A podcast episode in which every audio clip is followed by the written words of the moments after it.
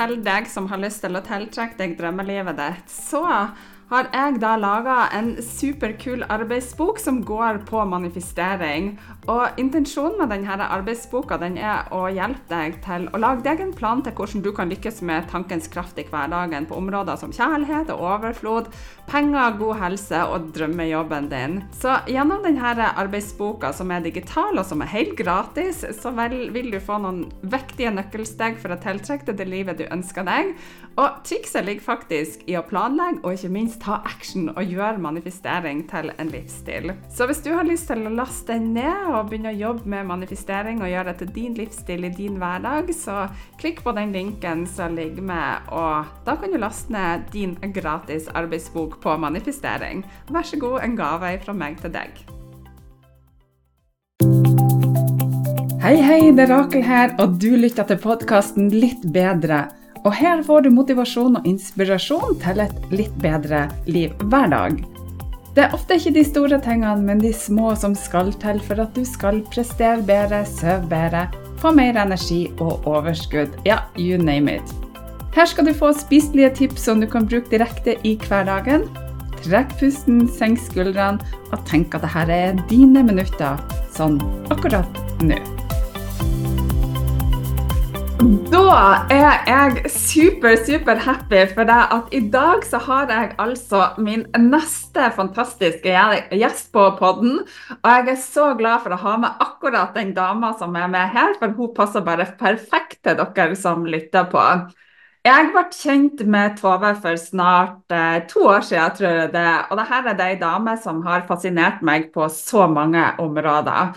Tove hun går andre året på Hjerteakademiet. I tillegg så er hun med i min indre elitesirkel på manifestering. Og hun var med på første året på manifestering, og nå er du med på andre året også. Så det betyr jo, Tove, at vi begynner å bli skikkelig godt kjent med hverandre gjennom de her to årene. Og det første, Tove, som jeg la merke til når jeg ble kjent med deg, det er den her indre kunnskapen som du har. I tillegg så opplever jeg at du er så nysgjerrig på å lære, og du er så ydmyk. Og jeg tror den her, jeg ble så fascinert av den her sterke indre varmen som du utstråler. For det at du er så nær, og du er så til stede, og du har en tilstedeværelse i rommet som gjør at andre folk, i hvert fall jeg, føler meg så bra når jeg er i lag med deg, og det er en veldig, veldig god egenskap. Så Tove, hvis jeg skal på en måte beskrive deg litt sånn kort, så er du på en måte den her universitetslektoren som har hoppa av karrierejaget på eh, akademia, og så har du tatt ny sats og en ny vending i en alder av over 50 år. Halleluja for det. Du har fulgt hjertet ditt, du har fulgt magefølelsen, og du har utdanna deg til både coach og helhetsterapeut. Du er blitt gründer av balansecoachen.no, og du har Balanseportalen. Og vi skal selvfølgelig komme inn på du har hatt retreat med Arctic Bliss, som er superspennende. I tillegg så er du mamma til to voksne barn. Og så noe som jeg ser mye på Instagram, så er du matmor til de her to kongepudlene som er bare så herlig. Du er gift, du er nordlending. Vi er jo begge nordlendinger, men du bor i Bodø og jeg bor i Trondheim. Og så har du ei fantastisk fin hytte på Sandhornøya.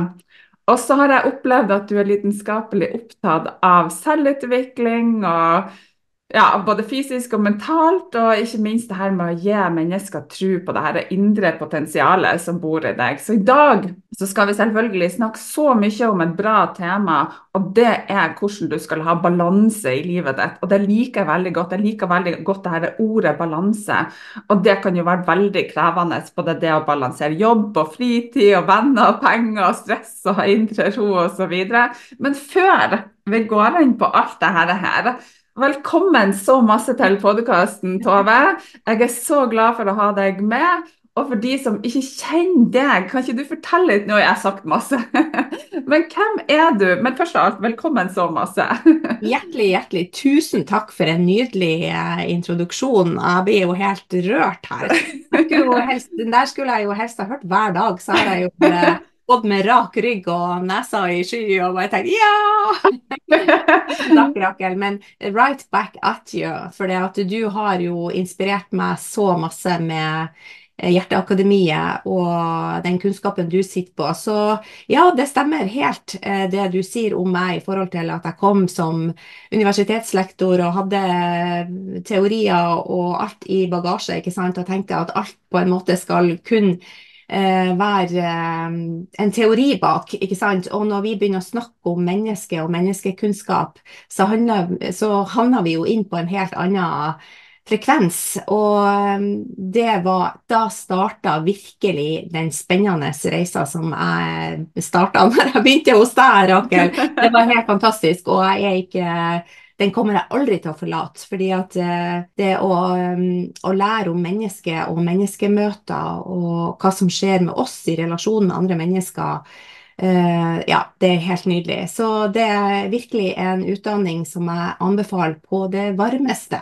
Hjerteakademiet har endra livet mitt. Å, så deilig å høre. Mm. Men uh, det er jo en uh, ære å, å, ha deg med også, for at du, som jeg sa til deg, jeg føler at du er så nysgjerrig, du er så åpen. Og, og det er klart at det å gå gjennom sånne typer transformasjoner, det å endre seg sjøl En ting er jo å ville å endre seg, men en annen ting er jo å ta det valget. Og en tredje ting er å gjøre det som kreves for å komme seg gjennom alle de her eh, transformasjonene eller fødslene, når man på en måte skal gjøre noe nytt. Og, og der føler jeg jo at du har jo gjort egentlig alt som skal til for å komme deg dit. Og jeg vet jo at det har vært både vanskelig og krevende, og vi har hatt masse tårer både i form av latter og kanskje frustrasjon og, og mange ting. Men, eh, men, du er så lærevillig, og så er du så ydmyk. Det er liksom en helt, Har du alltid vært sånn? Det er et godt spørsmål. Jeg har egentlig ikke reflektert over det. Men eh, det som eh, man lærer når man jobber sammen med mennesker, det er jo å være ydmyk og lytte til andre mennesker og deres kunnskap og det de eh, ønsker å formidle. Og det er jo når man ikke er forutinntatt, men nettopp er nysgjerrig og prøve å finne ut av hva kan jeg lære fra orakel, f.eks., som ikke jeg kan fra før av, så vil man jo åpne opp til ny kunnskap. Og det er jo nettopp det jeg har jobba med, å ikke være forutinntatt, eh, men åpne nye kanaler inni meg sjøl. Og jeg, Selv om man er over 50 år og har gått mange års utdanning, og, så tror man jo kanskje at ja, nå er jeg endelig ferdig, nå er jeg ferdig utlært. Nå ikke sant? Nå har jeg et platå, nå er det virkelig nok. Ikke sant? Men det er ikke nok. Det er aldri nok med, med kunnskap.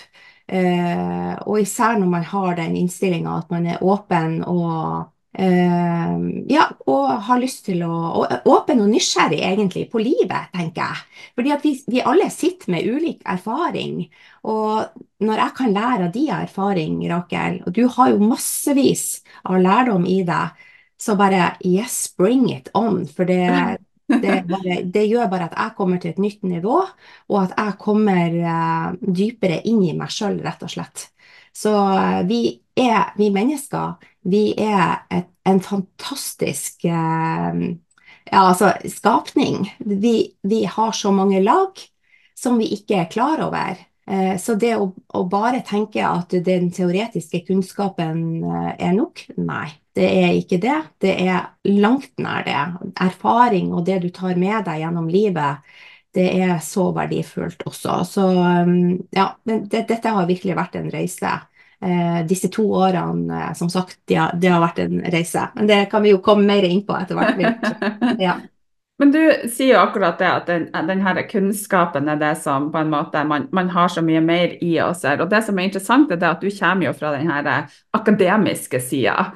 Uh, i forhold til det som går på forskning og bevis. Og så plutselig så switcher, du mer over til liksom det å begynne å finne de her ressursene som bor i oss her, og at man går langt utafor den her A4-boksen vår. Hvordan har det vært for din del? For det har vi jo hatt noen diskusjoner eller samtaler rundt akkurat det her med å, å lære seg både å forstå, men også tørre å utfordre tankene sine litt annerledes enn det du er vant til. Ja, det har jo vært den eh, hva skal jeg si, den reisa som har vært mest utfordrende. Eh, for nettopp det å eh, som sagt, det å kan ta opp ei bok og finne støtte i litteraturen eller i vitenskapen, sant, eh, så har det så, så, er det på en måte en Da har jeg på en måte brukt hodet mitt. Det har vært eh, eh hodestyrt læring på mange måter, sant. Ja. Mm. Eh, og så er det Når jeg da starta i Hjerteakademiet, så var det mye av det som går på eh, selvfølgelig menneskemøter men også det å gå ned, altså på en måte kjenne i kroppen.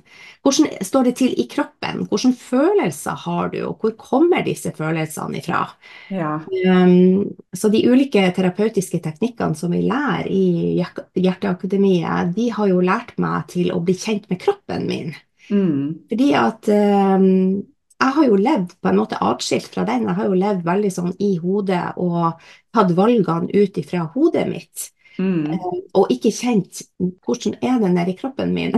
hvordan er det inni kroppen min? Hva sier kroppen når jeg sier ja, f.eks. Ja. Hva sier kroppen da? Eh, hva føler du eh, da? Eller når jeg mm. sier nei til noe. ikke sant?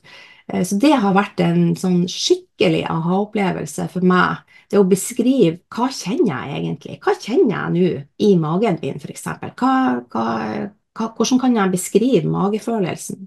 Hvordan kan jeg mm. beskrive øverst i brystet? Hvordan puster jeg? Eh, hva er dette jeg tenker på? sant? Mm. Så, um, så, vi er veldig gjerne der at vi I hvert fall jeg snakker ut ifra meg, så har jeg levd livet mitt veldig ut ifra hodet og eh, fornuft. Og mindre til kropp, og tatt mindre hensyn til det. Så det har, um, det har lært Hjerteakademiet, det har på en måte bare, som sagt, brakt inn et nytt nivå av, uh, av meg sjøl, og at jeg er en sammensatt og helhetlig person, og at valgene mine eh, også bør resonnere med det som kroppen sier. Ja, og det der og er så viktig. Ja. Mm. Det at, og det er jo en av de aha-opplevelsene jeg også har hatt, Tove. Det her med at uh, kroppen vår er jo egentlig vårt kart og kompass. Og det forteller jo hele tida, eller gir beskjeder hvis vi ikke er på rett plassen, eller hvis vi ikke har balanse i livet. Sånn at hvis man f.eks. har litt vondt i hodet, eller det verker litt i kroppen, eller at man er litt uh, uggen eller muggen eller irritert, eller noe sånt, så er jo det et tegn på noe. På at man da ikke har eller klarer å ha den balansen som man kanskje ønsker å ha. Um, og, det, og, og, da har jeg lyst til å dra oss litt tilbake uh, før de her to årene, uh, Tove. Uh, Nå har jo du, du har jo for det første så må jeg bare bøye meg i støvet. Du har nå din egen bedrift. Jeg har fortalt alle de tingene du gjør, og du har gjort så mye rett. Og du har gått inn i det her med hud og hår. Men uh, før den tid, uh, kan ikke du fortelle meg hva er det som har fått deg hit? Hva er det som er din historie? Hva er det som er Tove sin historie? Hvor var mm. du hen før, hvor er du nå, og hva er det som har fått deg hit? Mm. Hvor valgte du å, å, gå inn på denne reisa? Ja, det store spørsmålet. Hva var, ja. du, hva var du, før? Ja, Hvis jeg kan eh, si det enkelt. Vi, jeg har jo eh, starta Balansecoachen, eh, for, for, begrepet balanse er ja. viktig for meg, og det resonnerer med meg. Og det er fordi at i, uh, før jeg ble kjent med deg, Rakel, så var livet mitt veldig mye i ubalanse. Ja. ja. Og jeg får frysninger når du sier det, for jeg vet akkurat Ja. Mm, ja. ja. Jeg var i ubalanse i humør. Eh, I tankene mine var jeg i ubalanse. Jeg var ubalanse i kostholdet mitt, hva jeg spiste, eh, og, både, og, i kroppen min, ikke minst. Herregud, det er så godt sagt. Ja. Mm. ja. Eh, så det er bare, mm, bare for å ta et eksempel uh, humøret mitt. Altså, hva styrte humøret mitt før? Jo, det var at jeg var på en måte styrt av det som kom utenifra. Ja. Altså, jeg lot meg påvirke av menneskene jeg var i kontakt med. Eh, enten jeg var på jobb, eh, hvor det var mennesker som selvfølgelig kanskje hadde sitt å slite med, men som jeg på en måte lot meg påvirke av. Sjefen min, kollegaen min, eh, mannen min. Eh, altså alle de menneskemøtene som jeg hadde, eh, kunne jeg la meg påvirke av. Så det er en stor forskjell fra før til nå, det er at balanse, jo det skaper jeg i meg sjøl fordi at jeg vil komme fra et godt sted i meg sjøl. Jeg vil mm. komme fra et sted hvor det er grønt lys og ikke rødt lys. ja. Ja, så det, det har virkelig vært en sånn Ja, hva, hva er det som skal til for på en måte å komme dit? Og det er jo Da måtte jeg egentlig ta reiser om tankene mine og følelsene mine. For jeg hadde mye bekymringstanker og negative Mm. tanker. Og det er jo for så vidt altså det er jo Forskning sier jo det, Rakel, det har jo du poengtert mange ganger, at vi har veldig mange Altså vi har eh, hva, eh, mot 70 000 tanker som går på Så vi tenker hver dag. Eh, og Mm. så er det veldig mange ut av de som går på repeat. Eh, Mm. og det er 80-90% av de tankene igjen som er negative. Ja. Ja. Eh, og der var jeg. Og Man kommer inn i en sånn der bad shit loop. yes, ja. Ja. Og alt jeg kunne bekymre meg for på forhånd, det var bra. Ja. Altså Hvis jeg kunne bekymre meg for alt, sånn at jeg kunne sitte på jobben og jobbe og jobb, jobb, jobb, jobb, jobb, eh, så hadde jo mye stress i livet mitt. Og, og, eh, og selv om at man kan si at eh, det å jobbe mye gir deg stress, det trenger det ikke nødvendigvis å gjøre. For jeg jobber mye i dag, men jeg har ikke på langt nær det stressnivået i kroppen. Men det handler om at jeg kom ikke fra Altså, tankene mine var på alerten. Altså, det var krisetanker på en måte hele tida. Mm. Og det at jeg tenker negativt, det er jo normalt. At vi har usikre tanker, er jo faktisk normalt. Det er jo noe vi alle har. Mm. Og det å nå anerkjenne tankene mine eh, Ja, OK, der kom det en negativ tanke. Ja, OK, der kom det en usikker tanke. Ja, men det er normalt. Jeg tenkte ikke å krisemaksimere det, liksom. Så det er forskjellen egentlig fra før til nå, da.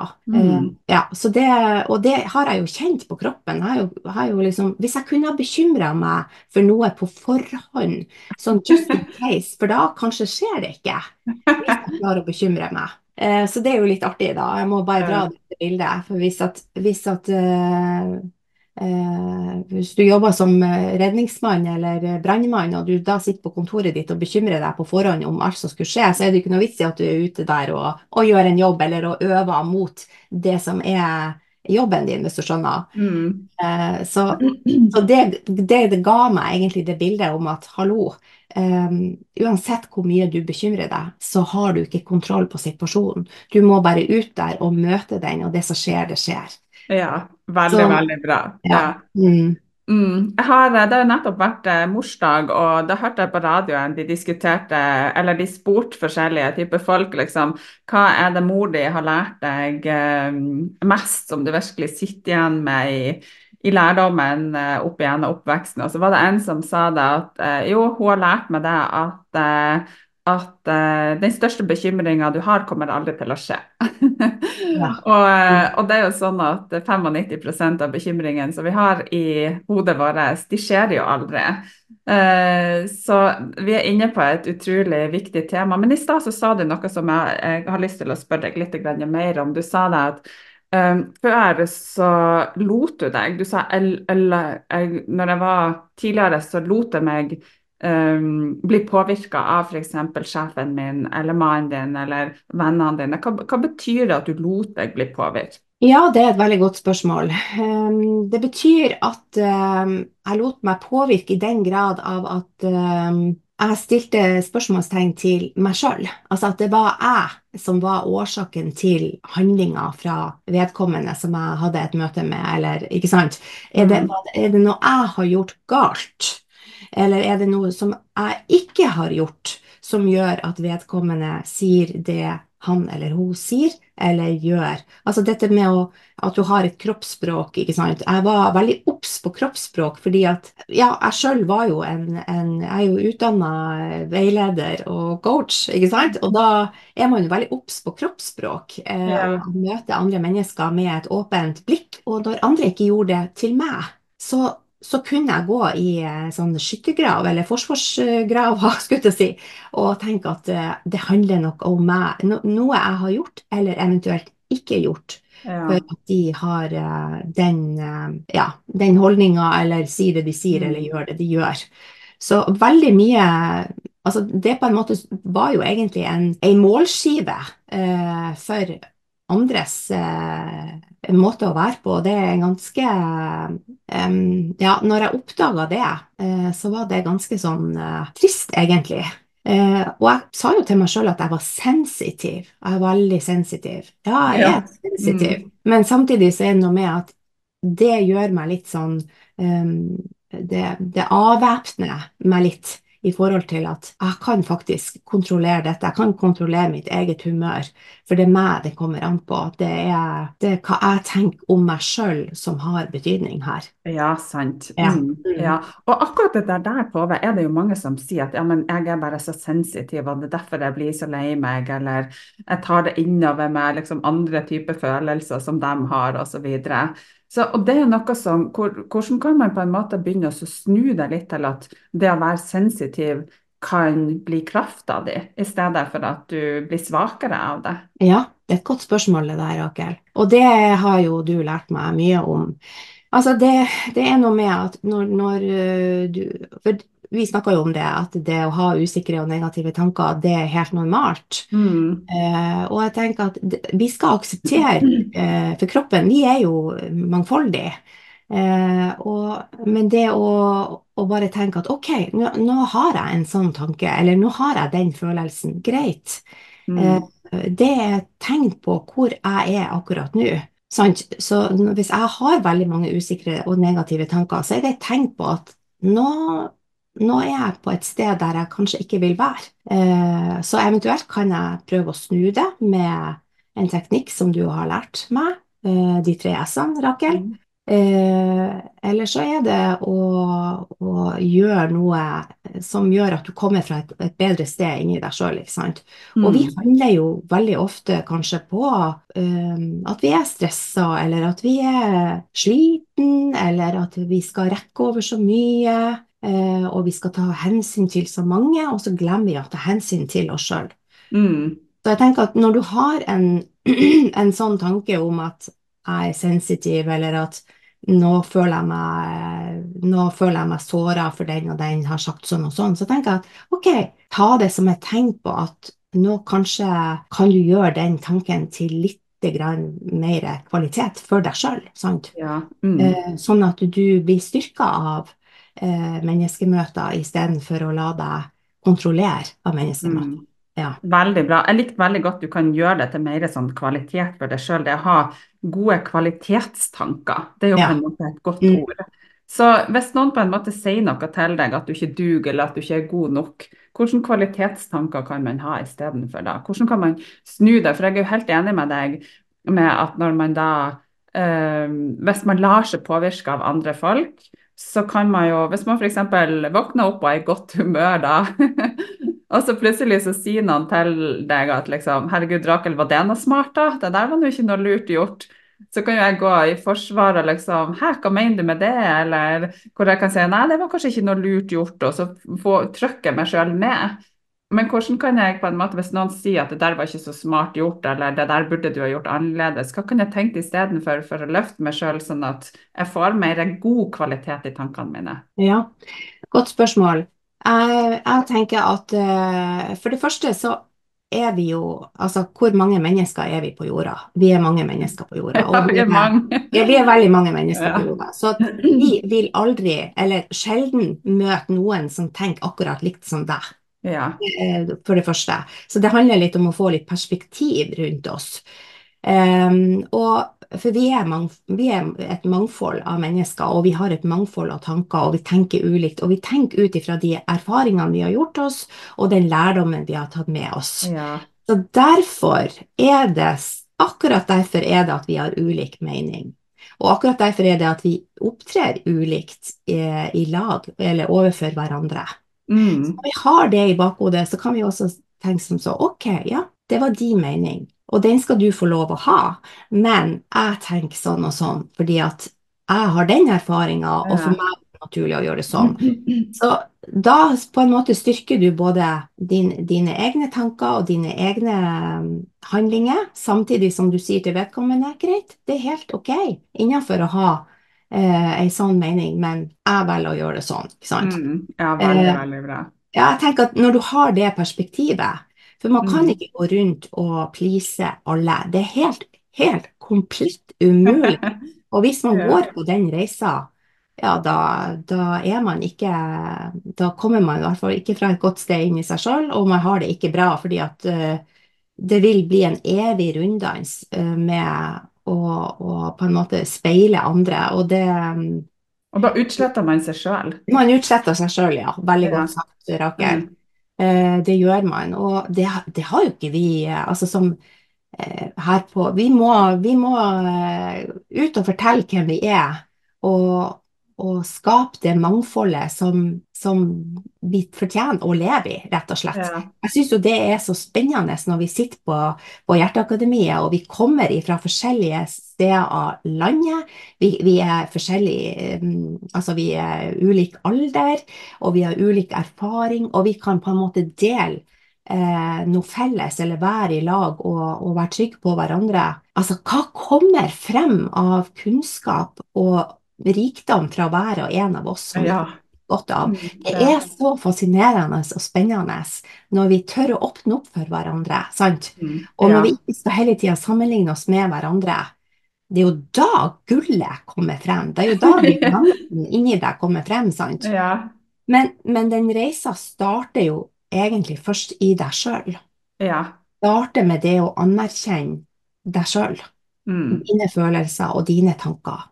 Ja. Og der er jo Hjerteakademiet unik eh, i forhold til det å, å bygge deg sjøl god. Eh, og, bygge, og, bli kjent med deg sjøl, rett og slett. Herregud, så, takk. Det er nesten så vi har sånn promovideo på, ja. promo på Hjerteakademiet. ja, det, den, eh, det har jeg ikke noe problem med eh, å snakke varmt om, for å si det mildt. Ja. Ja, det er veldig, veldig bra. Mm. Men jeg opplever jo at du begynner jo altså, å virkelig få nøkkelen til å ha balanse i ditt liv. Hvordan gjør du det i hverdagen din, da? Ja, eh, der har jeg jo noen eh, der, altså, Jeg er jo veldig glad i å ha ro og balanse og glede i livet mitt. Men det er jo ikke sånn at man kan gå hele livet og tenker nei, jeg skal ha ro, glede og balanse. Å nei, jeg vil ikke, jeg vil ikke høre på nyhetene, jeg vil ikke ta stilling til det som skjer i verden. Og, eh, ikke sant? Eh, sånn går det jo ikke an eh, å ha det. Da må man jo bare leve som en munk i Tibet. Ja. Så man må jo forholde seg til livet. Eh, ja. tenker jeg. Og for det at Mange kan jo misforstå og tro at liksom, balansecoachen er bare ute etter ro og balanse og glede og ja, sitte i lotusstilling og sånn, men det stemmer ikke. Nei. Men det, stemmer, det, det, som er viktig for meg, det er å, å mestre. Ja. ja. Det er å mestre eh, hverdagssituasjoner. Og hvordan gjør jeg det? Jo, det Altså, jeg er jo ikke noe ekspert på dette eh, på langt nær. Så jeg jeg har jo dårlige dager eller dårlige Jeg prøver ikke å ha dårlige dager. Jeg prøver å lære av det Orakel har lært meg. Det når du sier at jeg skal ikke ha en dårlig dag. Jeg kan ha en dårlig stund, men ikke en helt dårlig dag. Og det, det har jeg klart å leve opp til. Mm. Men, men, det er klart, sykdom i familien, død, altså alt mulig. Altså, livet skjer jo. Så Vi har jo begge opplevd å miste mora vår altfor tidlig. Ja. På omtrent samme tidspunkt for litt over to år siden. Ja. ja. Nå var jo riktignok min mor hun var jo 85 år, så hun var jo godt voksen når hun uh, døde. Men samtidig så var hun ei sprek dame. Hun var mamma. Hun var min mamma, ja. um, og hun var veldig, veldig klar og, og, god å prate med. Så hun var jo et, en, et ja, en støttespiller for meg. Sant? Så når hun forsvant, så, så, så var det egentlig som ei ja, en grunnmur som også ble borte. Mm. Men jeg valgte å snu det til noe positivt. Jeg valgte å Det var jo da jeg bestemte meg for at jeg skulle utdanne meg som coach og terapeut. Ja. Så um, da hun, bare noen dager etter at uh, hun døde, så bestemte jeg meg for at nei, Tove, nå nå er det på tide å ta et oppgjør med livet ditt. Mm, Mm. for jeg vil, jeg, vil, jeg vil, følge drømmen min. Og drømmen min har jo ligget i magen mange år. Jeg har jo tenkt at jeg vil jobbe som eh, online coach og terapeut. Det har jeg tenkt i mange år. Ja. Men det har bare ligget i magen, og har på en måte ikke tatt det opp og virkelig sett på det. Så, um, så det, det, når hun døde, så, så, ble det rett og slett et oppgjør med livet mitt. Og mamma har jo sagt i mange år, Tove, du, har, du stressa, du stressa, du stressa, og jeg vil ikke høre på henne. Eh, så nå har jeg hørt på, henne, så, så nå forteller jeg hver gang jeg er på grava hennes at mamma, nå har jeg det veldig bra. Jeg har det veldig bra. Ja. Jeg savner henne veldig, jeg gjør det, og, men hun, jeg tror hun vet det, at jeg har det bra. Ja, Mm. hun vet det. Ja. Men tilbake til spørsmålet, hva gjør jeg for å eh, dette med balanse i hverdagen sjøl? Ja. sa dette med mestring. Ja. Vet du hva, jeg begynte å gjøre noe helt, helt uh, merkelig, og det er mange år siden. Åh, fortell, fortell. Og nå er det jo, er det, er det jo ikke noe merkelig lenger, men jeg syns jo det var veldig merkelig da. Men flere og flere gjør jo det, og det er jo å bade i havet også på vinteren. Herregud, det der er så tøft gjort. Å, Ja. vet du, jeg ser jo de her snappene du legger ut. Jeg bare Jeg, hører, Ja. altså, jeg, jeg føler at, at de som gjør det, altså, sånn som du, de er tøffere enn toget. Altså, herregud. Ja. Ja, det er tøft gjort. Det er mange som syns det er veldig rart, og jeg forstår det. Altså, hvorfor, hvorfor gjør man det? Hvorfor skal man utsette seg for noe sånt ubehagelig, sant? Ehm, men det er mestring for meg. Ok, for jeg kan tenke som så. Har jeg gått ut i havet der i minus åtte grader, som det er her i nord gjerne, med vind, og da er det litt mer effektive kuldegrader, Ja. i en kald sjø som ligger ned mot én til to varmegrader. Hvis jeg mestrer det, ja, da mestrer jeg det meste. Altså Hvis jeg klarer å mestre og bevege meg ut i det kalde vannet og ligge Ja. der minutter før jeg går opp, ja, da klarer jeg, da klarer jeg masse. Men du, Eh, det der er jo litt artig for deg at eh, jeg har jo sett på mange sånne snapper av folk som ja, de hopper uti og de springer uti og liksom de liksom helt sånn der Wow, det her er iskaldt, og så springer de opp igjen. Men vet du hva? De videoene, og det her er det beskriver så godt at du jobber med det her med balanse. For når du legger ut en, en snap eller en video, så ser jeg at du har på deg som regel en blå badedrakt og en, jeg vet ikke om det er en blå hue, men i hvert fall på deg en hue. Og jeg vet ikke om du har noe på beina dine eller ikke, men i alle fall Jo. så går du altså så sakte. Du går ut og, og vasser sånn at eh, Du går jo ganske langt ut, og du vasser utover som om at du har verdens beste tid. Uh, og jeg som er så kald i kroppen, og når jeg skal bade i sjøen, så må jeg liksom være der det er 30 varmegrader, og så går du der det er null. Og når du da går dit, og så plutselig så senker du bare kroppen din sånn sakte ned i vannet, og så svømmer du litt, og så går du sakte inn igjen. Ja, hvis ikke det er styrke om å ha indre balanse i seg sjøl, så vet jeg ikke, altså. Men det der beundrer jeg med deg at du får gjort det, altså. Ja, og vet du hva jeg tenker når jeg går utover? Nei, fortell. Jeg tenker dette gjør bra for kroppen. Kroppen trenger dette saltvannet, den nære kroppen. Sant? Jeg forteller kroppen at dette har du godt av. Ja. Og da forbereder jeg jo kroppen på hva den skal liksom møte.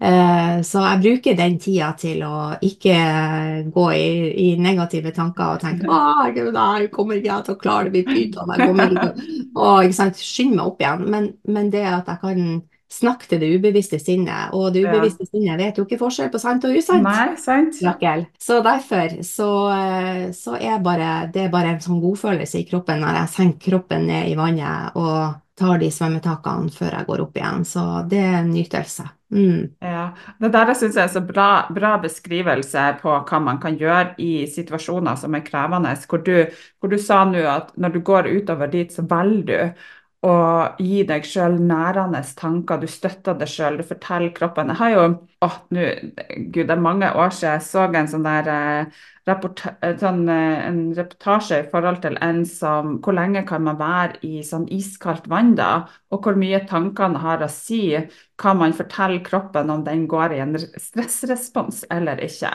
For Mm. at jeg har sett på det her Kompani Lauritzen, og der jobber de jo bl.a. med at de skal hoppe ut i kaldt vann. Og det du forteller deg sjøl, har jo alt å si hvorvidt at du klarer å cope med å være i det kalde vannet, eller at du f.eks. For forteller kroppen din at å herregud, det her er skikkelig ubehagelig, nå går du i stress, og så begynner du å skjelve, og så begynner du å hyperventilere, og så Mm. går pusten urytmisk, og så får du på en måte nesten et angstanfall. Kontra du gjør det motsatte. Du forteller Mm. kroppen at du er rolig, du er avbalansert, det her går bra. Og så er det jo det kroppen Kroppen lystrer jo.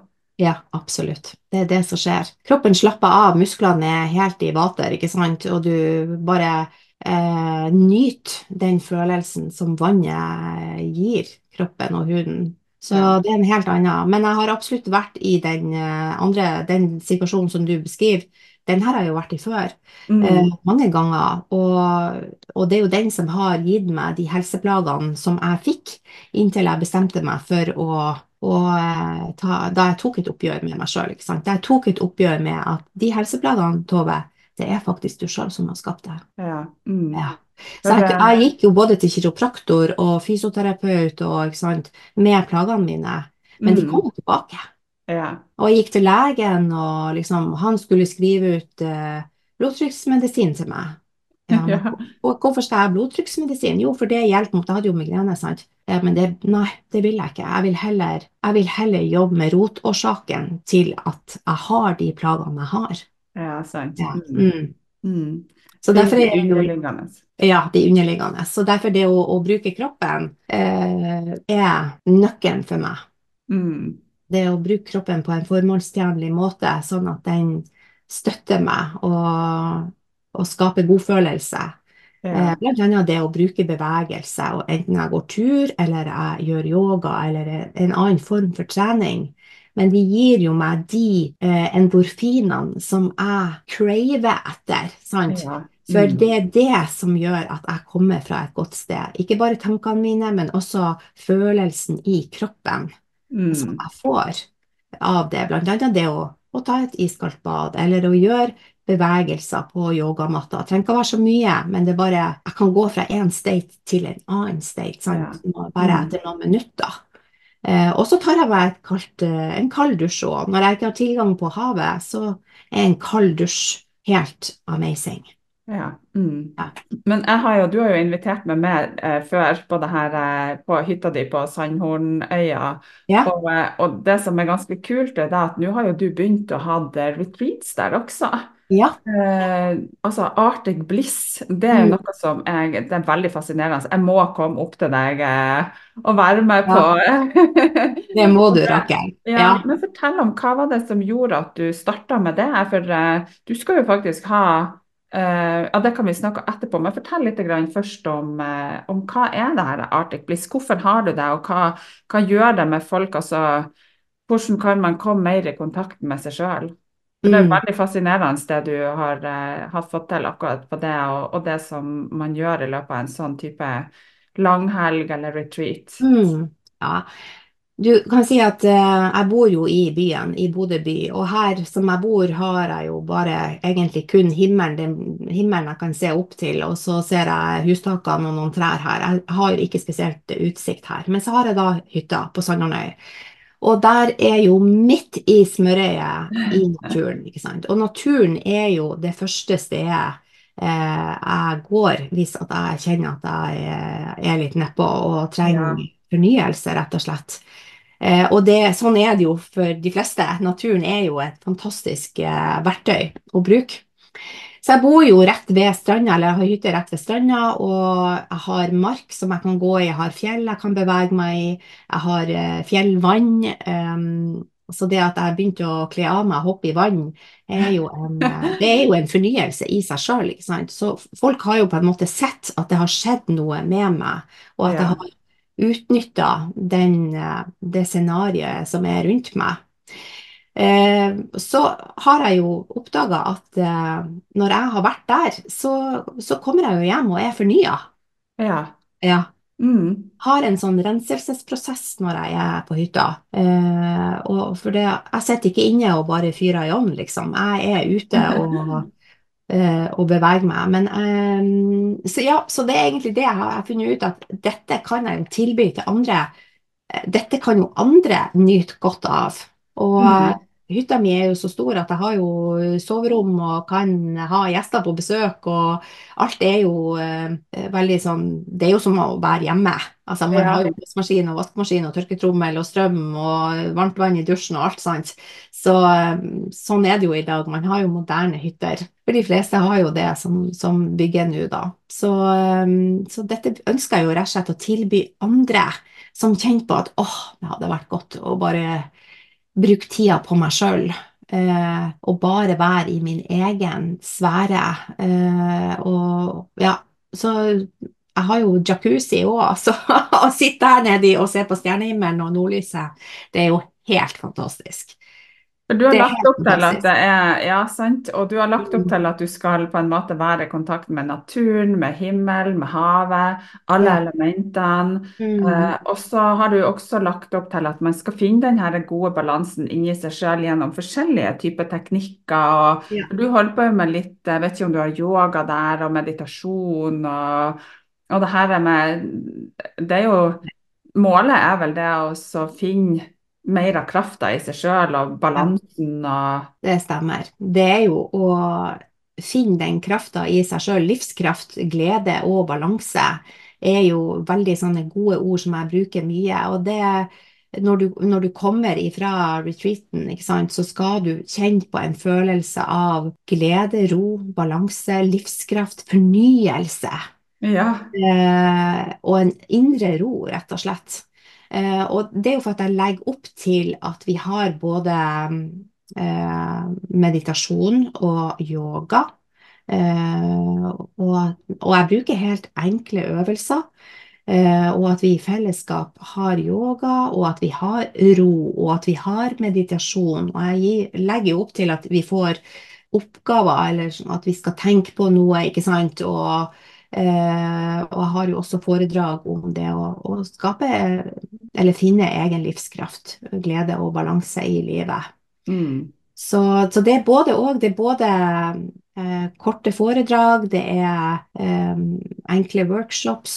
Eh, så vi er sammen, men det er også eh, lagt opp til at vi skal ha ro og være for oss og kan gå i naturen hvis vi ønsker det, og at vi har stillhet rundt oss.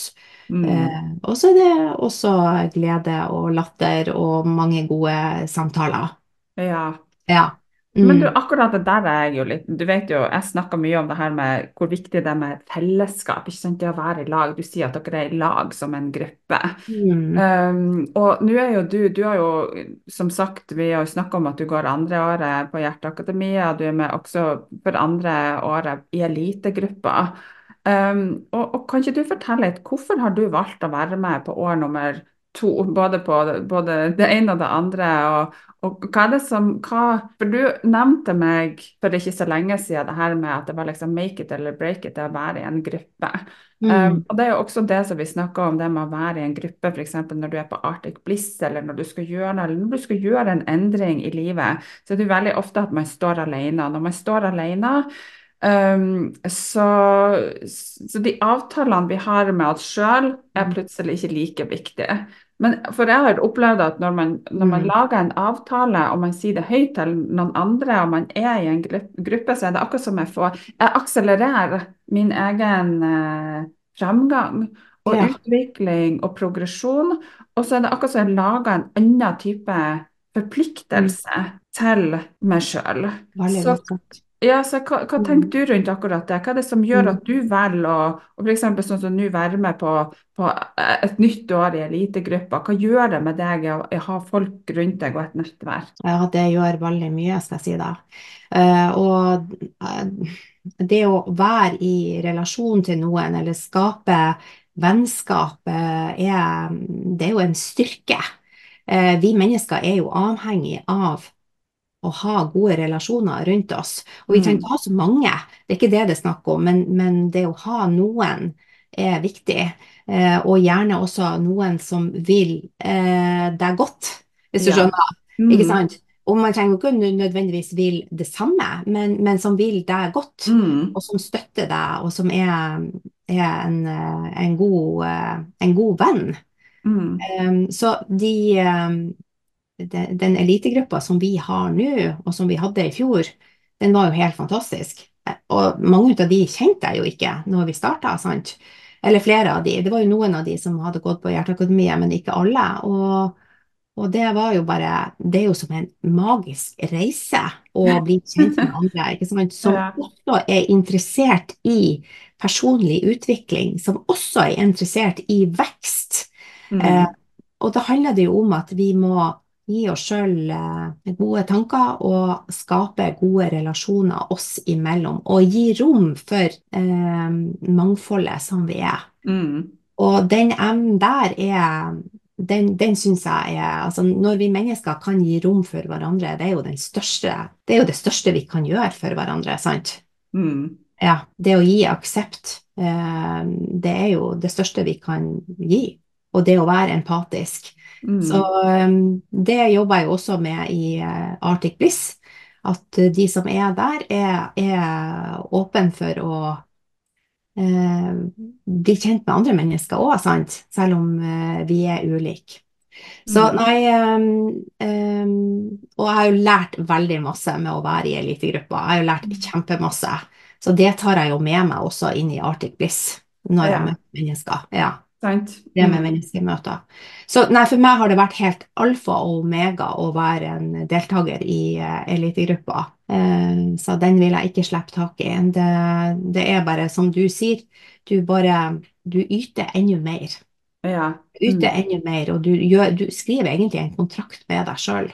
At dette Ja. skal klare. Mm. Ja. For det er det som er som Jeg tror det var en av mine største um, eh, feller, eh, eller feil som jeg gjorde, spesielt i starten av den her eh, For jeg starta jo min business i 2010, det er jo 14 år siden. Um, og jeg er jo en person som i utgangspunktet føler meg Ja, jeg er jo vær, eh, veldig sånn egenrådig på en del områder. Så tenker jeg det her skal jeg klare, jeg skal klare det sjøl. Og, og så opplever man kanskje at man ikke har så mange rundt seg som er på samme reise, eller som gjør de samme tingene. Og jeg begynte å gjøre ting alene, eller jeg gjorde ting mye alene i starten. Og, og det var ikke det at det gikk bra, men når jeg switcha rundt på det, for jeg starta jo Hjerteakademiet i 2012, og når jeg, når jeg switcha om til å se, eller å begynne å jobbe med grupper, både at jeg var med på ulike typer kurs, spesielt det, og jeg meldte meg jo inn i forskjellige typer mastermind-grupper sjøl da, som, eh, som jeg følte kosta skjorta. Men herregud, for en verdi jeg fikk ut av det, og hvor jeg klarte å level up i forhold Mm. til både businessen min, men som menneske, og innsikt og det her samspillet, og det å ha noen å lene deg på og støtte på. Og når jeg da følte at ting kanskje For jeg får gjort ting i løpet av hverdagen, men, men når jeg begynte å, å se verdien i å være på sånn kurs sånn som Arctic Bliss eller ulike typer ting, så bare akkurat som bare sånn husk, det bare for i, i, i en mangedobbel rakettfart av det at jeg utvikla meg. Altså når du får den her synergieffekten i en gruppe, så blir den så magisk. Mm, Eh, ja. mm, og det er vel det også, eksempel, Mm. sånn at du når du har eh, For du har jo nå Du har retreat nå i slutten av eh, Du har et nytt retreat nå i Ja. slutten av Ja. I slutten av februar så har jeg et retreat. Eh, Siste helga i februar, 23. til 25. februar er det vel. ja. Eh, Så der er det fortsatt ledige plasser og mulighet for å melde seg på. Eh, og jeg, for jeg trenger jo Altså, vi vi er jo ikke så mange. Så vi er jo en seks stykk til sammen. Og det er jo fordi at hytta er jo ikke så stor, men samtidig så er det akkurat det med å være ei sånn lita gruppe hvor man Ja. Rekker å faktisk bli kjent med hverandre i løpet av ei helg, sant. Mm. Så, eh, så der er det fortsatt muligheter for å melde seg på. Ja, og da Mm. får man jo akkurat det som er så viktig, det med å være en del av en gruppe som har de samme interessene, eh, som ønsker det samme, som snakker det samme Ja. språket, Mm. eh, og som da har én interesse, og det er å gjøre det godt for seg sjøl og gjøre det godt for andre. Og det må jo være nøkkelen til suksess, og, og nøkkelen til å finne balanse med å også ha de rette folkene rundt deg. Absolutt. Og det å komme dit en fredagskveld, ikke sant, hvor man, ikke sant, man vet jo hvordan livet er, hektiske livet er i hverdagen, og eh, man har eh, mange baller i luften, og så er det bare å liksom som om lufta på en måte går litt ut av deg Ja. dit, og eh, blir møtt med, med korte, inspirerende foredrag, får god mat, og eh, får sitte i jacuzzien med en liten Prosecco og bare Herregud, jeg kommer! Ja. Ja, det er virkelig fantastisk. Det er det. Og Proseccoen, det var det som var Ja, det var det som gjorde det. Ja, det, det er bare helt eh, Det er bare rått, rett og slett. Det er bare rått. Og det, det er det som er så artig òg, for at selv om det er i arktiske strøk, det heter jo Arctic Bliss, ikke sant? Så det er klart, og jeg er jo glad i varme. Jeg elsker jo å reise til Syden, og jeg syns jo det er helt nydelig. Ja. Men, eh, men følelsen av å være i en sterk og flott natur, sant? Det er litt sånn mer råskap oppi Det er mer råskap, ja. Ja. Det er det. Ja. Samtidig så vi har det jo veldig behagelig. Så, eh, så vi sørger jo for å ha det godt. Mm. Mm, ja. Ja. Ja, Nei da, det, det var eh, veldig artig å få de gode tilbakemeldingene fra retreaten som jeg hadde da i januar, hvor eh, vinterstormen eh, raste utafor, og det var både sne og, og regn om en annen. Så, eh, så, så på tross av det, så var det bare sånn I love it. Det var bare Ja. ja. Mm. Jeg ser for meg eh, at det er faktisk litt sånn idyllisk å sette med hua på seg et glass Prosecco altså i et varmt boblebad, og så er det litt storm ja. rundt deg nesten. Det er veldig idyllisk. idyllisk. Og, Og så prate om hvordan man kan ha det godt i hjertet. Herregud, hva Ja. er det? Ja. Ja, nei, man får virkelig perspektiv på livet. Så Ja. eh, det, det unner alle å oppleve noe sånt, rett og slett. Ja. Og når himmelen åpna seg og stjernene kommer frem og nordlyset danser over himmelen, så bare tenkte du trenger jeg noe mer? Nei. Må jeg reise tilbake? Ja. Det går fra å være sånn helgeretreat til å bli sånn årsretreat. Ja. Ja. Ja. ja, det hadde vært noe. Men til folk da som, som Jeg vet at det er veldig mange som lytter på podkasten. Det her med balanse er noe som har kommet opp mange ganger. Og folk eh, stiller meg ofte spørsmål. OK, Rakel, hva skal jeg gjøre? Jeg er stressa.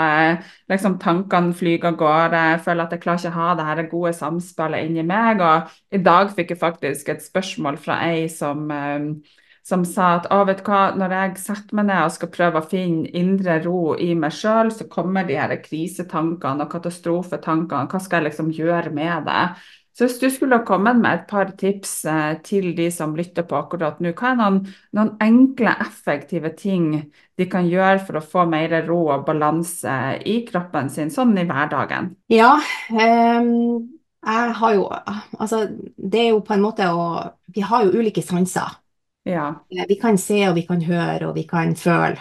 Hvis du kan slå på en ekstra sans, da, den sansen som ser innover deg, som ser innover hvordan har jeg det inni meg, hva gjør denne tanken for meg?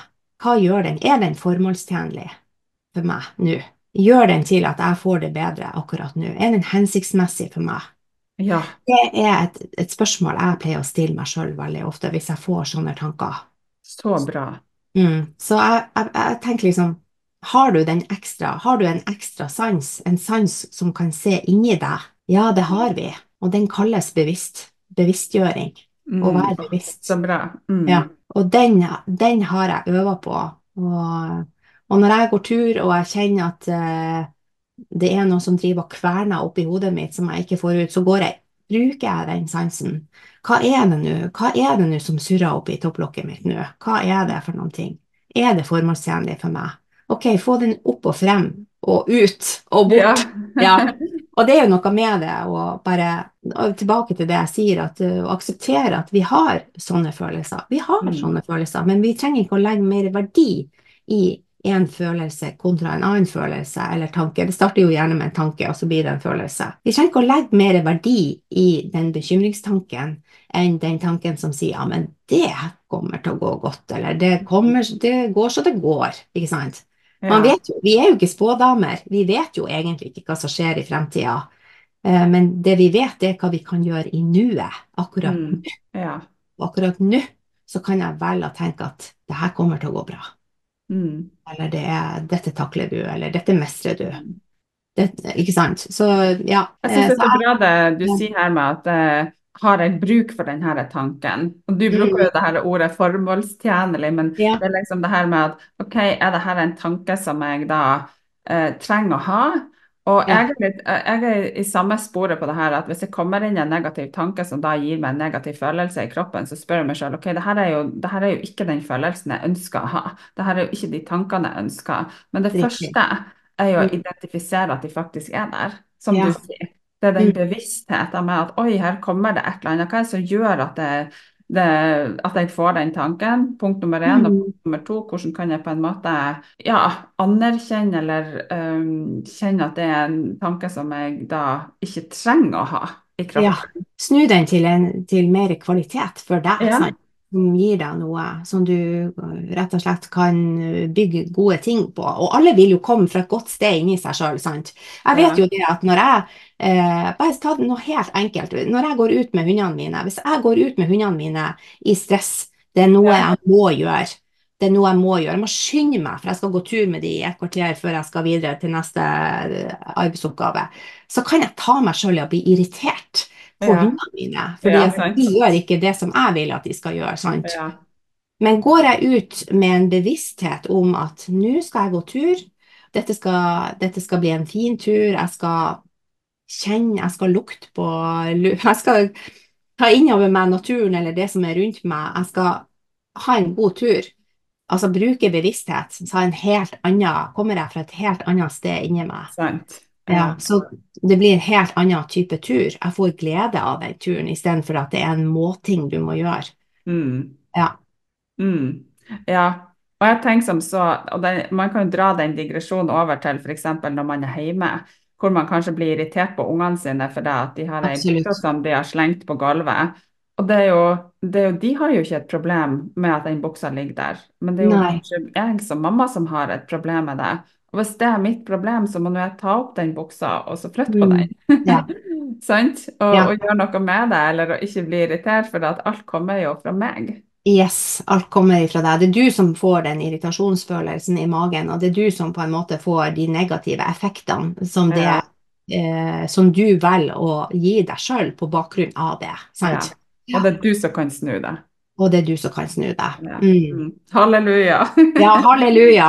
Og det har virkelig vært det, det er en game changer. Det er en skikkelig game changer. Ja, sant. Ja, det er faktisk det. Det er Mm. veldig bra. Men du, hva er en eh, Hvis at eh, de som lytter på deg nå, har du en fun fact som folk ikke vet om deg? Eh, ja, altså Det er jo ikke om det er en fun fact eller ikke. Ja, vet du hva? Jeg har egentlig drømt litt om å delta på Skal vi danse. Oh, oi! Jo, for jeg er veldig glad i å danse. Jeg elsker å danse. Så jeg danser eh, mye hjemme, og helst alene da, så ikke andre ser meg. Men når jeg er på fest, da er jeg danseløve. Så det noen er uheldig å sette på en ABBA-låt eller noe fra 80-90-tallet, da kan du være ganske sikker på at jeg er ute på dansegulvet der og rocker. Så um, jeg har faktisk gått jeg har gått på latinamerikanske danser, danser, eller på danseskole når jeg var, gikk på barneskolen og Det her visste jeg ikke om deg. Ja. Og det burde det jo Du vet, når vi fer Aha! Du, når vi drar til nu, nå i, eh, Til sommeren så skal vi jo til uh, Amalfikysten på elitegruppa. Ja. Gjett hvem som skal ha en session med oss der. Da må vi ta med noe her slags uh, hva, latinokjole Ja. eller et eller annet sånt der, der og så burde vi jo og, og du burde jo ha det på retreaten også til Arctic Bliss med dansegreier der. Ja, vet du hva? Ja, Ja. Vet du hva? Det med dansing, det er altså Det er undervurdert. Det er det. Det er så undervurdert. Ja. Altså, det å starte morgenen med å sette på en uh, god låt som du liker, og bevege kroppen din, bare å stå på badet mens du pusser tennene, og bare bevege deg etter rytme, det bare det forløser masse. Og det kan skifte humøret ditt. Du kan få deg Ja. fra Ja, du kan komme i Mm. godt humør sånn. Hvis jeg føler meg litt tung, så kan jeg av og til sette på skikkelig høy musikk. eh, Ja. Og så bare danse. Og så jeg flirer så av meg sjøl, for jeg er jo ikke noe god til å danse. Men bare hive seg rundt og bare Ja. og danse rundt Ja, ja, ja. Er Ja. det, det er bare helt herlig. Og jeg skal fortelle deg at en gang eh, da mamma var på det siste, når hun sleit og var mye syk, så satte jeg på musikk. Og Ja. vet du, det var sånn, jeg tenkte, Tove, hvorfor gjør du dette? Eh, For du har jo ingen grunn til å danse nå. Ingen grunn. Men vet du, jeg dansa. Mm. Og det forløste så masse. ja. Det forløste så mange følelser. Jeg, ordentlig, jeg blir ordentlig rørt når du sier det. Mm. Hadde du den musikken på når hun var i nærheten? Nei, vi spiller musikk til hun mamma når Ja. hun Mm. eh, lå på det siste, uh, for å skape eh, gode minner og følelser, ikke sant, som om, om tida som har vært, da.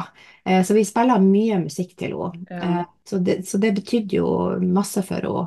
Det vet jeg. Eh, men, men for at jeg skal på en måte få forløst mine følelser og det om å danse, så må det være liksom, det må være liksom kraftfull og sånn. At jeg må, Mm.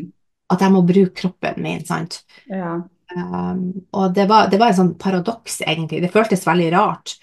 Men, men da igjen så er det så viktig det med å ha glede i livet, selv om at du, om at du står i utfordringer. Så det å ha glede og tørre å glede seg, eller tørre å være glad, eh, slipp til gleden selv om at du har det trassig, selv om at livet går mot deg. For det er faktisk lov. Og det er en menneskerett å være glad. Jeg tenker at spesielt i sånne stunder så er det viktig å kanskje finne eh, styrke i seg sjøl. og jeg bruker å gjøre det, f.eks. på Hjerteakademiet så bruker jeg å, å vise det her med at hvis du tenker vi, vi gjør jo denne øvelsen eh, på hvor du har ut hendene dine rett ut, og så skal du tenke på eh, den største kjærligheten som du har i livet ditt. Og for meg så er det jo Elisabeth, dattera mi. Og hvis jeg tenker på henne, og noen prøver å pushe ned armen min, så får jeg så stor styrke at den andre personen som prøver å pushe ned eh, handa mi, den, den, klarer ikke å få ned handa. Men hvis jeg da tenker hattanker, hvis jeg tenker på noen som jeg virkelig misliker, så blir jeg svak, og da er det så lett å pushe ned armen min. Og hvis du tenker over da når du står i krevende situasjoner, så trenger du jo den indre styrken. Så hvis man da bare er i sorg eller fortvilelse, så gjør man jo Man hjelper jo kroppen til å bli svakere. Ja. Så det du gjorde med å sette på musikk, uh, in my opinion, er jo at du hjelper jo deg sjøl og gjør Mm. deg sterkere, sånn at du takler mer rundt deg, og kanskje takler å stå i ting både for deg sjøl og for andre, og være der for mor di på en annen Absolutt. måte. Ja. Absolutt. Så det er klart eh, det, det gagner ingen å gå i eh, og bare være lei seg og på en måte være i den sfæren og si at det er en skam og på en måte ha glede i livet selv om at det er trasig rundt deg. Mm. Så eh, nei, det, det gjør deg svak. Jeg er helt enig, Rakel. Veldig, veldig godt, veldig, veldig godt sånn en øvelse å gjøre, hvor du Ja. holder, holder ut armen, ikke sant, og, og du kjenner bare styrken når du tenker på, på kjærlighet. Du kjenner styrken i kroppen din. Det, det er helt fantastisk. Ja. Så det å komme fra et godt sted i deg sjøl, det er, Mm. det er utgangspunktet. Veldig. Mm. Du, takknemlighet er jo en av de tingene som vi begge to eh, setter veldig stor pris på. Og det å, å praktisere takknemlighet i, i livene våre. Hva er tre ting som du er takknemlig for akkurat i dag? Du, jeg er takknemlig for kroppen min. Um, jeg er takknemlig for at jeg har en kropp som fungerer. Uh, så jeg kan De tre tingene Det er mange ting på kroppen min som jeg er takknemlig for, men jeg kan tenke Jeg kan bare si kroppen som helhet. Det er et fantastisk verktøy og noe som jeg er veldig takknemlig for at jeg har, som fungerer. Mm. Uh, så helse og kropp, det er første pri. Mm. Og så er jeg takknemlig for at jeg får lov til å um, følge drømmen min. Ja. Bli coach og terapeut. Det er jeg veldig, veldig takknemlig for, fordi at det har gjort at jeg har kommet til et bedre sted i meg sjøl, og det har igjen gjort til at jeg har ei bedre helse. Sant. Jeg har Mm. fulgt drømmen min. Mm. Mm. Og så er jeg veldig, veldig takknemlig for at jeg har så mange gode mennesker rundt meg som støtter meg. Um, og det gjelder både familien min, mine nære relasjoner, og dattera mi og sønnen min og mannen min. Og det gjelder også elitegruppa Mastermind, som er helt fantastisk. Helt, helt Mm. fantastisk. Vi er jo som noen søstre. Vi sier jo Ja. søstre. Vi sier jo det, vi er Ja. som en familie. Ja. Og vi er jo fullstendig klar over hvor mye vi betyr for hverandre i de møtene vi har. Eh, Så vi har, vi har så mye igjen for å være eh, den samhørigheten, sant? Mm. Eh, Og vi lærer så mye av hverandre at eh, ja, det unner alle som ønsker vekst i livet sitt. Mm. Mm. Um, jeg er sikker på at eh, de som har lyttet på i dag, sikkert uh, kjenner på noe av det samme som jeg sa innledningsvis på. Jeg føler at eh, jeg føler at du har så mange sånne superpowers. Jeg har sagt at jeg syns at du er jo så raus, og du er ydmyk, du er artig og genuin og ekte, du er god å snakke med. Eh, Du har også blitt en veldig god venn og til å stole på. Men jeg føler jo også at kanskje den, den største superpoweren som du har, det er liksom det å være så til stede, altså nærværet ditt. Eh, og det håper jeg virkelig at, eh, at de som har lytta i dag, også uh, føler på, og det tror jeg de gjør. Jeg syns vi har hatt en veldig god samtale og masse gode aha for min del også. Men hvis det er én ting som du vil at, uh, at lytterne i dag, uh, Tove, skal sitte igjen med, enten av noe vi har gått igjennom, eller noe du har lyst til å dele, hva er det for noe? Hva, hva, hva har du lyst til å si til folk der ute? Å ja, hva har jeg lyst til å si? Jo, jeg har, jeg har um det jeg har lyst til å si, det er det at jeg gleder meg til, og jeg håper at alle som lytter, byr på seg sjøl, og at de tenker at de er verdifulle, for det er hver og en av oss. Vi har så mye å by på, og vi har så mye kjærlighet å gi. Eh, vi har så mye glede inni oss som på en måte vi bare må slippe løs og gi til hverandre. Altså det å, å, å være å gi kjærlighet til andre, det gir jo deg fantastisk mye glede. Og det trenger ikke være sånn at du har en ektemann eller en kjæreste eller barn. Nei, du kan være singel og ha på en måte eh, bo i en by og ikke ha noen rundt deg som nært. F.eks. for eksempel, det kan bare være at du trenger å møte noen mennesker, eller smile til noen mennesker, eller vise at du bryr deg. Eh, for det gjør så mye med det andre mennesket igjen, sant? Mm. Så jeg er veldig opptatt av mangfold, og at vi får mm. lov til å, å være oss sjøl i fellesskap. For mm. da er det at vi blir så sterke. Mm. Vi blir så sterke, og vi trenger det i den tida vi lever i nå. Vi trenger det så sårt, fordi vi blir så styrt av samfunnet rundt oss. Vi blir så styrt av alt som vi skal levere og levere og levere, og levere, at vi glemmer å kjenne etter hvem vi er. Mm. Vi glemmer å, å, tenke at det du har å by på, det er jo bare i, din, i, eh, i form av at du er til stede i din gode tilstedeværelse, har så stor betydning. Jeg trenger ikke å vite alt du kan, men at du er til stede og viser meg at du bryr deg, mm. det, er, det, er, kjempeviktig. Så, så vær et godt medmenneske. Vær et godt medmenneske. Vær snill. Jeg synes det er så bra at du sier det, for det er akkurat det jeg føler at du er. Å, så fint. Det var godt å høre. Ja. Derfor jeg liker deg så godt. At du er så fantastisk å være rundt. Du får folk til å føle seg eh, ordentlig bra. Um, men sånn, Tove, nå til slutt, uh, hvor er det folk får tak i deg henne? Uh, er det, for Du har balansecoachen.no, og så har du jo også du vet hva vi, For du har du har noe sånn her eh, i forhold til tankene og sånn tips i forhold til hvordan de kan snu tankene sine. Har du ja. det? Jo, det stemmer. Jeg har laga fem teknikker for å snu eh, tankene, eller for å gjøre de mer formålstjenlige. Og det er eh, gratis? Det er gratis. Det ligger ja. på balansecoachen.no si nettside. da. Så det er så enkelt å gå inn der på balansecoachen.no. Og da kan du jo lese litt mer om meg, og også laste ned gratis teknikker da, som du får i, på e-post. Mm. Jeg skal ta og legge meg noen linker på det. Jeg, jeg tror jeg har lyst til å legge meg link også til Arctic Bliss, for jeg tror kanskje at noen kan være interessert i den. Det er i hvert fall noe som, eh, som jeg kjenner er veldig interessant for min del. og, og det å komme seg og være ute i naturen og sammen med andre folk og ha deg som mentor, herregud, altså det er jo ingenting som er bedre enn det. På en sånn type, ja. Tusen takk, Rakel. Ja, Arctic Bliss, eh, hvis dere er på Instagram, så er det i hvert fall eh, lett å finne linken til Arctic Bliss, for den ligger i bioen min eh, på, på Instagram. Og der heter jeg jo også balansecoachen.no. Ja. Ja. Mm, ja. Så eh, vi skal hjelpe dem å, å, finne tak i deg, sånn at de eh, virkelig får tak i det hvis de har eh, lyst til å få mer balanse og overskudd og energi i, i mm. livet sitt. Tove er i alle fall en, eh, en, Og du, jeg anbefaler dere å følge opp på Instagram, for det at du legger ut så mye bra der. Og de storyene dine, og jeg er garantert for å se mer ut av det her badinga di. ja. ja da. Men du kommer jo med masse gode tips uh, i hverdagen. og mm. jeg har lyst til å si tusen hjertelig takk for i dag, eh, Tove. Det har vært uh, så fin samtale, og du kommer med så mye innsikter og så mye verdi. og og eh, ja, hjertelig takk for at uh, du har vært med. Det setter jeg uh, stor pris på. Så tror jeg de som har vært med her og lytta, også har kommet med kanskje mange aha-opplevelser og innsikter i, i, sitt liv. Virkelig, det hadde gleda meg veldig. Vi sova. Men det var fantastisk.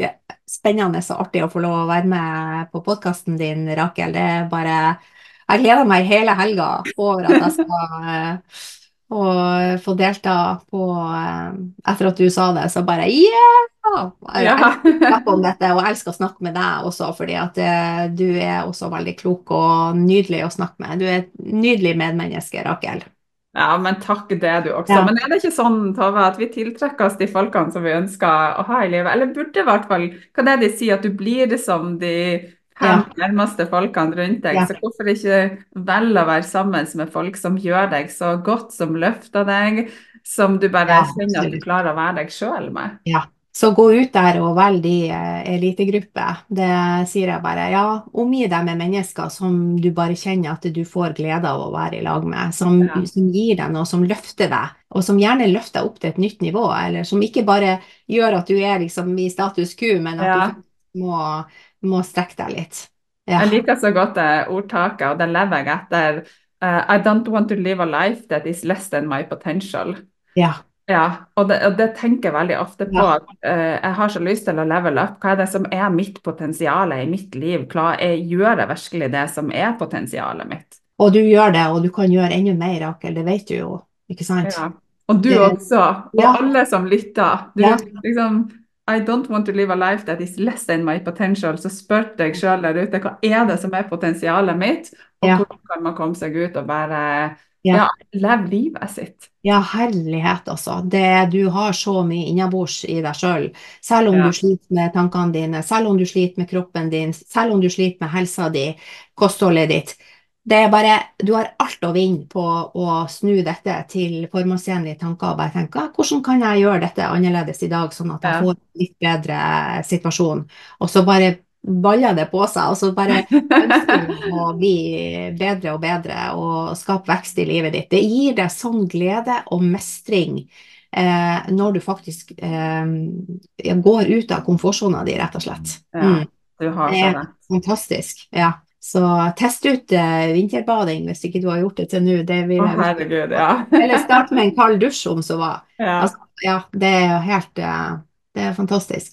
Det er en Jeg prøvde å gjøre det en gang, og da, For man skulle gjøre det først i sånn ett minutt, og så to minutter, og så Jeg hyla hele det første Ja.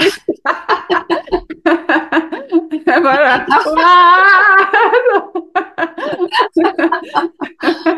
Ja. Men du, alle trenger jo ikke å gjøre det, for all del. Det kan jo være andre ting. Det kan jo være at du tar kontakt med noen som du lenge har sett, eh, som du ønsker å prate med, kanskje, som du ikke har tort å Mm. ha sagt hei til, f.eks. Eller bare slå av en prat med noen mennesker som du har lyst til å bli kjent med. Det er jo å gå ut av komfortsona, og det gir deg jo mestring. Og ønsker man mer balanse i livet, så om man føler man har lyst til å level up, så må de jo ta kontakt med deg også, Tove. Eh, Du har jo, eh, du har jo også én-til-én-coachinga på eh, Ja, så det anbefaler jeg så masse. Ja. Det må dere gjøre. Og som sagt, Tove jobber jo online, så har ikke noe å si hvor du sitter henne i landet. Det er er bare å ta kontakt med henne og har veldig gode resultater på det. Kundene er superfornøyd. Ja, de er Ja. Ja. Så ja, det er bare å ta kontakt. Så eh, enten på Instagram eller via nettsida mi balansecoachen.no, der er det også muligheter for å ta kontakt med meg. Mm. Ja. Jeg tenkte egentlig at vi skulle si eh, at vi skulle hvis det er ett ord man skal sitte igjen med i dag, så er det liksom ordet balanse. Men jeg må si ett ord til, og det er formålstjenlig. Ja, Ja, finn Mm. ting i livet ditt eller tanker som Ja. er formålstjenlig, for det er det, det er ditt ord, Tove. Det har jeg lært, det er liksom du har brukt det så ofte. Ja. Så eh, da skal jeg si tusen, tusen Mm. hjertelig takk for i dag, altså. Eh, jeg syns det har vært så, så bra å ha deg her. Og takk for at du stilte opp med din kunnskap, ærlighet, ydmykhet og alt som bare du er. Og lag deg en fantastisk fin dag, og igjen tusen hva det, nei, Jeg var jo i Thailand før eh, jul, og da lærte jeg jo kopp kong ka. Det er jo takk, så tusen hjertelig takk for at du har vært med. Tusen takk for at jeg fikk lov å være gjest i podkasten din, Rakel. Det setter jeg veldig pris på. Bare hyggelig.